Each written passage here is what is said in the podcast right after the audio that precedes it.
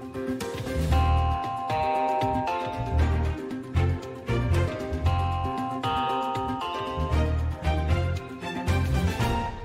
Umělci by se měli dočkat pomoci od státu. Podnikatelé budou moci žádat až o 10 milionů korun. Jednotliví interpreti pak o jednorázovou podporu až 60 tisíc korun do konce roku. Jak přesně bude balíček pomoci vypadat? Bude na záchranu kolabující kultury stačit? A kdo nese zodpovědnost za to, jak se u nás rozvinula pandemie koronaviru? Vítám vás u dnešního rozhovoru k věci. A mým dnešním hostem je ministr kultury ze sociální demokracie Lubomír Zaorálek. Dobrý den, pane ministře. Dobrý den, přeji. Pane ministře, viděl jste data, která dnes kolují českými médii a jsou to data z analýzy Ústavu zdravotních informací eh, o tom, jak se vyvíjí počet nemocných a jak by se vyvíjel, kdyby jsme přijímali opatření proti šíření nemoci v různém čase. To možná teďka ty poslední data, to jsem... To jsou ta poslední data, ano. Ano, ale ty jsem asi neviděl, protože teď jsem na ministerstvu se věnoval jiným věcem, tak jestli no, máte něco Oni to měly čerstvého. být i data, která měly být podkladem pondělního jednání vlády. Tak jestli jsou ta, tak ty znám, ano. Já se ptám proto, že z těch dat vychází, že kdyby vláda zavedla restriktivní opatření proti šíření viru zhruba před deseti dny, začátkem října, tak by kumulativní nárůst počtu nemocných nebo kumulativní počet lidí, kteří budou nemocní v COVID pozitivní na konci roku, byl až o polovinu nižší. Při tom současném zavedení eh, je odhadováno 400 tisíc případů na konci roku. Kdyby to bylo na začátku října, ty restrikce, eh, tak ten odhadovaný počet eh, nemocných je 200 tisíc. No dobře, ale teď se mě ptáte... Na... Teď se ptám no. na to, proč vaše vláda nezavedla uh, ta opatření uh, proti šíření koronaviru dříve. Hmm, podívejte, já teda jsem minister kultury. To, to a samozřejmě, že dostanu k dispozici data. V pondělí jsem měl informace, zprávu s nějakými čísly, na základě kterých jsem se rozhodl podpořit ta opatření, která byla přijata.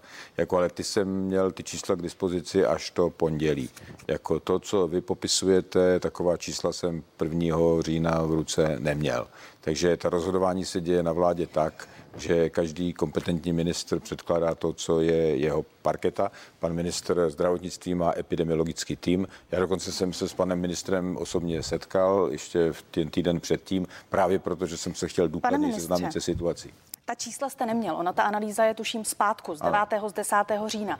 Nicméně řada odborníků, řada expertů už několik týdnů zpět varovala, že ta čísla jsou jednoznačná, že eh, ten signál, který z nich vyplývá, je, že pokud eh, výrazně nezasáhneme, eh, tak přesně s takovým počtem nemocných, ke kterým nakonec i došlo, můžeme počítat. A mě zajímá, jestli je někdo z vlády schopen a ochoten přiznat, že jste nepřijali ta opatření na začátku října, tedy výrazně dříve proto, že byly volby. Víte, Jestli jste prostě chtěli vypadat lépe ve volbách a tak jste s tím počkali za cenu vyššího počtu nemocných. Tak já nevlezu do hlavy všem těm, kteří rozhodovali ve vládě. Mně stačí váš ale, postoj klidně, nebo postoj uh, sociální demokracie. Za, za sebe já si dneska myslím, že jsme měli při, přijmout tvrdší opatření už koncem srpna. Jo, to znamená, dokonce m, už v té době byly názory, že ta nálož virová je větší a že poroste.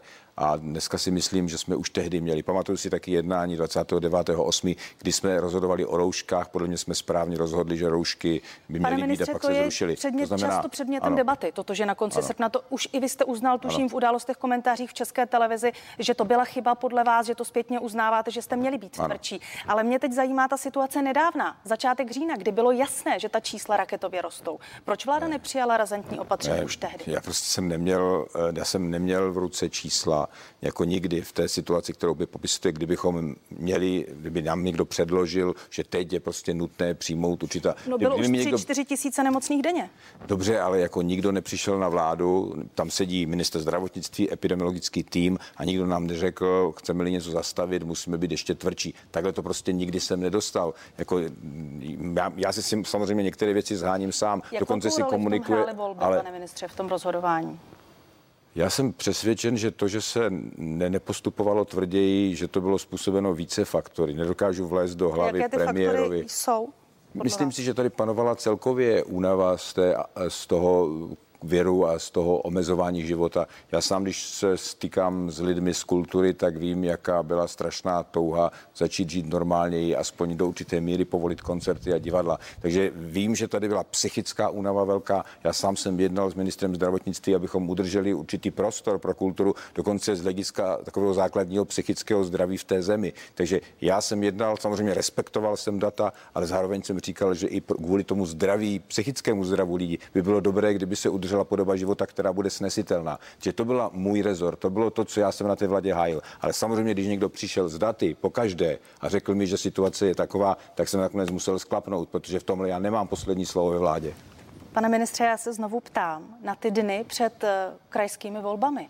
Nakolik v tom hrál faktor to, že se blíží volby, to, že jste nepřijali rázná opatření? Jestli jste prostě chtěli vypadat lépe jako vláda, která bude tvrdit, že se nic neděje, ne. abychom deset dní poté mohli od vás slyšet velmi varovná, velmi zásadní slova, když žádáte podporu ne. lidí a říkáte, že nám hrozí velký problém. Před těmi volbami, pokud jsme jednali o omezení života, tak jsme se řídili výhradně těmi čísly a názory epidemiologů. V té době nikdo se nepokoušel nějaká politická hlediska do toho vnášet. Jako podle mě se ta, víte, ono je těžké, když se ten virus rozjede, tak opravdu už není jako kdyby těžší ho zastavit. A já si proto myslím, že e, jsme měli být tvrdší dříve. Ale v této fázi, kterou vy popisujete, já si myslím, že nikdo moc na volby nemyslel. Jako přece volby nejsou. Počkejte, my chcete mi říct, že dva dny před volbami nikdo moc nemyslel na volby? Když se jednalo o těch číslech, tak kdyby nám prostě epidemiologové před volbami předložili. Na to se, pane ministře, věnuji politice dost dlouho, vy samozřejmě ještě déle, ale abych věřila tomu, že dva dny před volbami jste nezohledňovali hledisko toho, že jsou volby.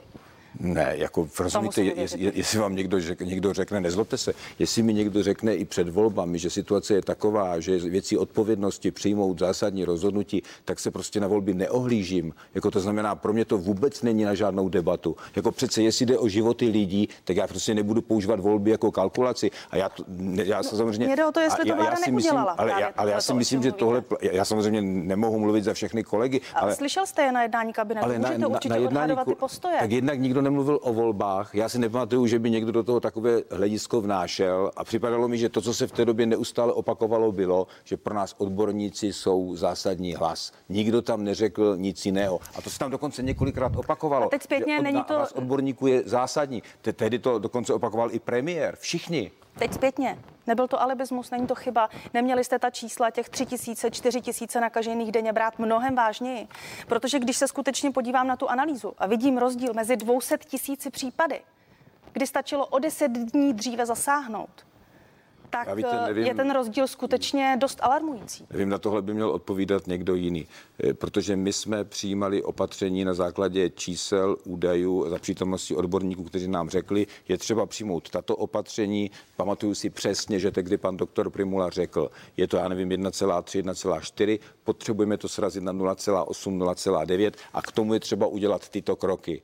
A my jsme to nespochybňovali. Jako v té chvíli opravdu nikdo na žádné volby podle mě nemyslel. To bylo prostě, při, mně to připadá, že to je úplně špatně vedená debata. Jestli si někdo myslí, a já kdybych to, kdyby někdo se odvážil takhle myslet, kdyby mi někdo dokázal, že nám někdo něco zakrýval, to by bylo vážné. Ale my jsme se rozhodovali na základě dat, které jsme dostali. Já si pamatuju na předvolební debatu, kde váš předseda Jan Hamáček říkal, žádná ekonomická opatření nebude, nebudeme nic zavírat.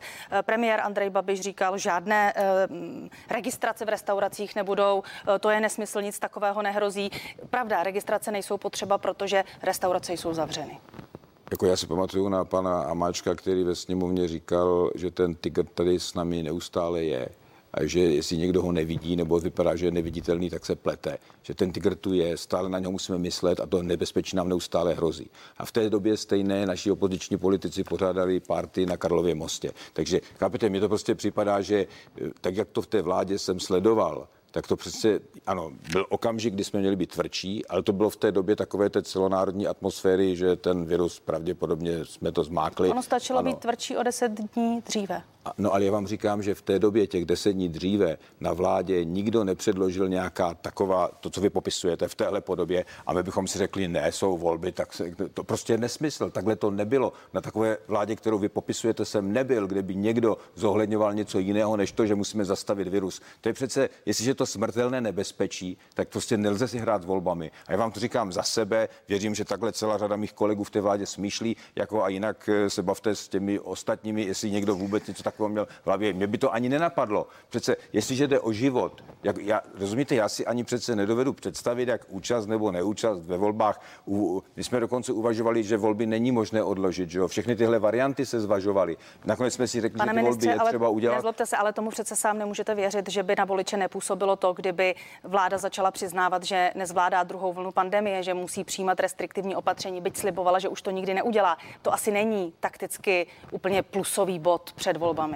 Tak já pokud si to vybavuju, v té době jako nebyla atmosféra, že se nezvládá vlna pandemie. Jako mluvili jsme o tom, že musíme zpřísnit, že musíme udělat ostřejší opatření, ale nikdo neuvažoval tak, že to nezvládáme. Ale nikdo neřekl, nedal nám tady nějaká ostřejší varianta, tady měkčí. Takhle jsme se nerozhodovali. My jsme se rozhodovali prostě tak, že jsme dostali údaje, bylo nám řečeno, na to, abychom se vrátili do lepšího stavu, potřebujeme udělat toto a my jsme to odhlasovali. Takhle to prostě bylo. Žádná jiná debata, aspoň já si žádnou jinou nepamatuju. Pane, nevím, že by se jinde odehrávala. Pane ministře, poslední otázka k tomu. Um, cítíte, nebo budete, nebo přemýšlel jste už vy osobně o tom, jestli byste neměl z té situace mm, možná i vyvozovat politickou odpovědnost, jestli jste skutečně udělal maximum možného pro to, aby Česko nebylo v té situaci, ve které je jestli přece jenom nenesete zodpovědnost za to, kde jsme se ocitli a jestli třeba až pominou ty nejhorší týdny, by skutečně nebylo na místě to, k čemu mimochodem vyzvala opozice, tedy aby si vláda řekla ve sněmovně znovu o důvěru. Myslíte tu opozici, která pořádala ty akce na tom Karlově Teď se ale soustředím na tu vládu, ve které vy sedíte, pane, pane ministře, a která ano. ústy jako premiéra dobře, říkala ano. ještě v polovině září, že o nic nejde a jenom média straší. Tu vládu, no, myslím. Nepochybujte o tom, že já si tu odpovědnost uvědomuji velice dobře. Jako a že se snažím celou dobu dokonce jednat nejenom s těmi, kteří na té vládě jsou, oslovuju další odborníky, kteří ani neslouží vládě. Dokonce, čtu, dokonce pravidelně čtu zahraniční tisk, kde se snažím korigovat a seznamovat se s tím, co se děje a jak se postupuje jinde. Takže jako ano, mám odpovědnost, vždycky mohu mít pocit, že člověk by mohl dělat víc. Jako a v té vládě jsem právě proto, že jsem rád, že mohu něco dělat. Jako dokonce by bylo asi hůř, kdybych jenom přihlížel. A nejsem tam proto, abych jenom hledal ruku. Jsem tam proto, že tato situace je jednou z nejkritičtějších situací, kterou jsem ve svém životě v politice zažil. A jestli mi něčem záleží, tak mi záleží na tom, jak se z toho dostat. Jako jestli jsem něco neudělal, tak to není proto, že bych to zanedbal nebo že bych málo se snažil. Říká můj dnešní host a já připomínám, že jim je ministr kultury za sociální demokracii Lubomír Zaorálek. Pane ministře, váš sektor, sektor kultury je velká oběť toho, co se už od jara děje v České republice, protože eh, kulturní zařízení, představení jsou omezována, zařízení jsou zavírána a tak dále, to všichni víme. Vy jste dnes na vládě v rámci záchranného balíčku přijali i sérii opatření, která má být vstažena právě na kulturu. Bude to stačit? Eh, je, je, to, je to ta první pomoc, která alespoň kultuře pomůže z nejhoršího, pane ministře? Je to ta první pomoc v této chvíli, je, je, protože to, co jsme dneska přijali, ten COVID Kultura 2, to je něco, co chybělo eh, v té mozaice opatření, které máme pro různé typy kulturních organizací, protože na jedné straně máme příspěvkové organizace státu, máme neziskový sektor a teď tady byl tento, řekněme, těch, kteří podnikají v kultuře, kteří běžně nejsou našimi klienty Ministerstva kultury. A tady jsme se s Ministerstvem průmyslu vlastně dohodli na novém způsobu, jak se dostat k těmto lidem, kteří potřebují pomoc. Jsou to jednak ti, kteří řekněme, připravují akce v kultuře, promotéři, podnik, kteří podnikají v kultuře a kteří ty akce musí rušit. Takže tam je jedna forma, kde se jim budeme snažit eh, ty marné náklady, které vynaložili na akce, které nemohou být, dílem uhradit 50% na akce, které se nemohou konat, 80% provozní náklady, to je novum, to tam v minulosti nebylo. A druhý velký segment jsou jednotliví umělci, to znamená ti, kteří nejsou nikde zaměstnaní, jsou odkazaní na zakázky, které mají v oblasti kulta, že jsou to hudebníci, tanečníci a další. A tahle skupina lidí, kteří vlastně také dneska jsou bez živobytí, tak těm, proto máme do konce roku bonus 60 tisíc, tak jako dostali pro. v minulosti ty bonusy, tak teďka tady je příspěvek pro ně ve velikosti 60 tisíc, když prokáží svou kulturní historii, to, že v této oblasti dlouhodobě působí. Pane ministře, pro koho všeho těch 60 tisíc korun bude určeno? Řekl jste umělce, to je jasné, myslím, celkem interpreti a tak dále, ale co třeba všechna ostatní navázaná, navázaná řemesla, která souvisí s divadly, eh, s filmem, se vším ostatním, na co si vzpomeneme, zkrátka s kulturou, zvukaři, osvětlovači, kostyméři no, a tak, tak dále. to, co popisujete, tak to tam zahrnuto je. Kukaři, osvětlovači, tak to jsou profese, které do toho zahrnuty jsou. Pane ministře, a bude to jednoduché? Můžete garantovat to, si myslím, to, že, že... Ano, to si myslím, že právě proto, že jsou tam i ty ostatní profese, tak si myslím, že těch 750 milionů může vystačit na několik týdnů, což jsem na vládě avizoval a zároveň jsem říkal, že je třeba ve chvíli, kdy se ukáže, že se to tenčí, takže budeme jednat o tom, abychom posílili tady tuto sumu. Můžete mimochodem v rámci možností garantovat to, že eh, ty peníze zbydou na každého, že to nebude tak, že eh, za pár týdnů někdo přijde požádat právě o tento příspěvek a vy řeknete, už nemáme, už došlo? No proto jsem rád, že jsem dostal slib od premiéra i že to celá vláda slyšela, že právě proto, že ta situace se vyvinula takto, tak si nedovedu představit, že bychom řekli, peníze došly a budeme to chtít posílit. Na tom domluvení s panem ministrem Havlíčkem, že kdyby se to tenčilo, musíme hledat způsob, jak tady tuto kapitolu posílit. A bude to jednoduché uh, zažádat o ty peníze? Narážím na to, že COVID kultura byl velmi složitý program. Řada umělců si na to stěžovali, že eh, na to nemohli dosáhnout, nebo raději, než aby překonávali všechny ty překážky, tak to zkusili zvládnout bez toho. Tak jestli tento program, určený skutečně pro ty koncové, pro ty jednotlivé lidi, uh, už bude tím programem jednoduchým? No, já jsem přesvědčen, že ano, protože jsme to znovu dohadovali s nimi. Možná i na jejich straně to nebylo jednoduché odhadnout, co jsou schopni doložit a zvládnout. Takže možná jedna věc byla, že my jsme to museli zvládnout finance, průmysl, kultura a samozřejmě finance mají svá pravidla a nebylo lehké se dohodnout na naší straně, ale i na straně těch, kteří to žádali, těch, kteří to přijímají, tak možná nebyli taky úplně domyšleno, že některé věci doložit pro ně nebude jednoduché. Že teď jsme se poučili vlastně a myslím si, že tak, jak to nyní zpracované, tak je to opravdu nesrovnatelně snadnější. Máme na to už administrativní síly, připravujeme na ministerstvu kultury, takže asi 50 lidí, které jsme museli sehnat. Jako, takže já věřím, že teď to bude pro obě strany, že tohle zvládneme. Já se ptám ministrů z jednotlivých sektorů, kteří přijdou sem do studia eh, jak se připravovali během léta na možný příchod druhé vlny. Zajímá mě to i za vás, za váš rezort. Co vy jste, pane ministře, na rezortu kultury nachystali proto, kdyby na podzim přišla druhá vlna pandemie? No, nám šlo především o to, abychom měli nástroje, které jsme na jaře neměli. To znamená, to abychom pro každou oblast eh, kultury měli připravený nástroj, který jsme schopni použít. A to si myslím, že se podařilo vyvinout. My jsme vlastně... a, teď, a konkrétně je to co? To, to, to jsou... je to, že máme třeba jeden fond, který máme pro regionální divadla a orchestry, že máme jinou sumu peněz, které máme pro příspěvkové organizace, které také sledujeme ten vývoj, jak se vyvíjí a jestli jsou schopny výjít nebo ne. Že máme další nástroj, třeba jsme připravili tu digitalizaci, taky v rámci těch peněz, které jsme dostali navíc. No a hlavně, co bylo, že jsme pracovali na tom programu COVID Kultura, což bylo z oblasti, řekněme, podnikání v kultuře. A to je věc, kterou jsme měli, to jsme vlastně v té době dohotovili. Ukázalo se, že v té první fázi jsme vyčerpali jenom 150 milionů a teď jsme to dotvořili do té podoby covidu 2 kultura. A dá se říct, že to léto vlastně bylo na to, abychom měli pro všechny ty oblasti, segmenty kultury, které jsou rozmanité, abychom měli připravený způsob, jak jim jsme schopni pomoci. A pak jde o to do toho dostat peníze. A měli jste připravený? To, nebo to léto jsme jednali mimochodem také o těch penězích, protože připomínám, že dokázat eh, mít, protože já jsem měl určitý odhad vývoje roku 2020, v tu běhu léta jsme jednali s financemi, jednak teda o tom, jak pokrýt ten rok 20 a zároveň už jsme začali jednat také v průběhu léta v srpnu jsme jednali o tom, jak to bude vypadat v roce 2021. Pane ministře, a zkoušeli jste si alespoň modelovat nějaké situace nebo scénáře toho, jak by se omezovaly jednotlivé kulturní sektory, kdyby začalo přibývat nemocných? A teď trochu narážím na to, že jsem před pár dny slyšela, eh, tuším v Českém rozhlase ředitele Brněnského národního divadla, jak velmi zklamaným hlasem hovořil o tom, jak se jim pod rukami neustále mění pravidla toho, co divadla smějí hrát, nesmějí hrát, že oni se vždy přizpůsobí nějakému vládnímu opatření, změní program, změní repertoár, eh, pak za pár dní přijde další změna, oni už mají prodané lístky a tak dále. A že to je zkrátka velmi složité, velmi chaotické a dělají u toho obrovské množství zbytečné práce. Šlo to připravit nějak lépe, nebo se prostě na tuhle situaci připravit nedá? No, to jsme prostě také v průběhu. No, otázka, jak se dá připravit na tuhle situaci. Připadá mi, že v let které zemi jste chvilku nahoře, chvilku dole a tak je to i nakonec u nás. Ale my jsme se snažili vytvořit takový režim, vlastně režim pro podzim, že? takový, ve kterém jsme si mysleli, že bude takovým tím mostkem, po kterém přejdeme, ve kterém se sice omezí kultura, ale přece v jakémsi hygienicky daném limitovaném prostoru se bude udržovat. Já sám jsem říkal, že pro mě ten cíl je, abychom v tomhle z úženém režimu udrželi určitý provoz kulturní, divadelní, koncertní a jiný. Takže to byla představa, která bohužel vzala za své ve chvíli, ta čísla začala jít nahoru. Dokonce první chvíli jsem si myslel, že uhrajeme tu kulturu proto, že jsme vlastně se mnohokrát měli ujišťování, že vlastně tyhle e, kulturní akce nejsou, myslím tím teda tam, kde sedí s rouškama na svých místech, kde se dodržují všechny distance, takže vlastně nejsou prioritně zdrojem. Že to, se, to, to vlastně vypadalo, tak to byla za naděje, že to udržíme. A já chápu, že i ředitelé divadel si říkali, tohle by mohlo fungovat, tohle což, by mohlo. Což mimochodem Nicméně mě... pak přišla taková vlna, že smetla i tohle. Pane ministře, navádí na otázku toho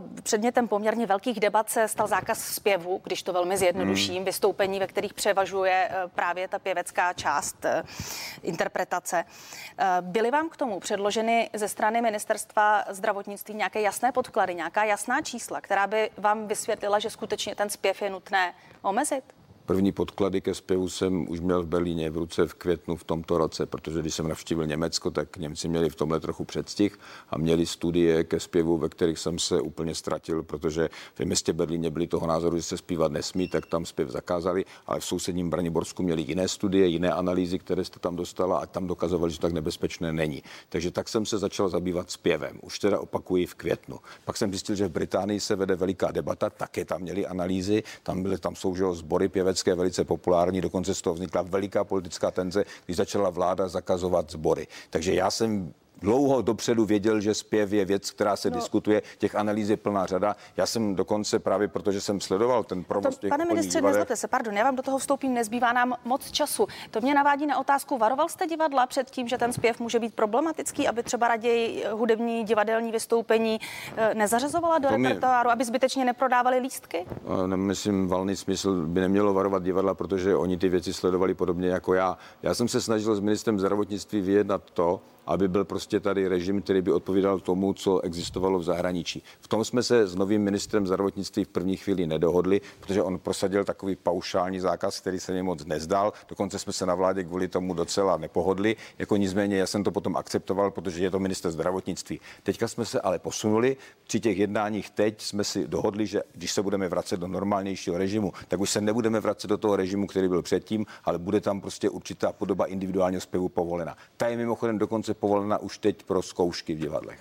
Na závěr jednu poslední krátkou politickou otázku, pane ministře. Před chvílí vyšla zpráva, že vaši tři, tuším, že už máte jenom tři senátory, vstoupili v Senátu do uh, senátorského klubu Hnutí Ano. Co tomu říkáte? No, tak to, mě, to souvisí s tím velmi nevalným výsledkem v senátních volbách, takže chtěli se nějak účastnit politiky, tak rozumím tomu, že nakonec se rozhodli být součástí, aby měli vliv na věci, tak aby se stali součástí klubu ANO. On ani tak to nebude dohromady velké v tom Senátu. Ale v zásadě si myslím, že hnutí ANO... Tuším, sociální... že devíti člení, ano, jestli se nepletu. Ano, ano tak je to proto, aby to vůbec ta politika se dala dělat. Ale jinak já si nemyslím, že by hnutí ano mohlo nahradit sociální demokracii, takže... Není to nějaký to, první krok ke ne, slučování, já to, já to beru, že to je, to je prostě, že to je současná situace v Senátu a kdyby bylo více prostoru, tak bych možná více řekl, proč si myslím, že eh, tohle není žádná perspektivika pro sociální demokracii. Až někdy jindy, pane ministře. Tak příště, ano. Děkuji za to, že jste přišel k nám do studia. Mým hostem byl minister kultury Lubomír Zaorálek. Děkuji za pozvání. Více otázek ani odpovědí už v dnešním pořadu k věci neuslyšíte a já se s vámi těším na viděnou u dalšího vysílání CNN Prima News.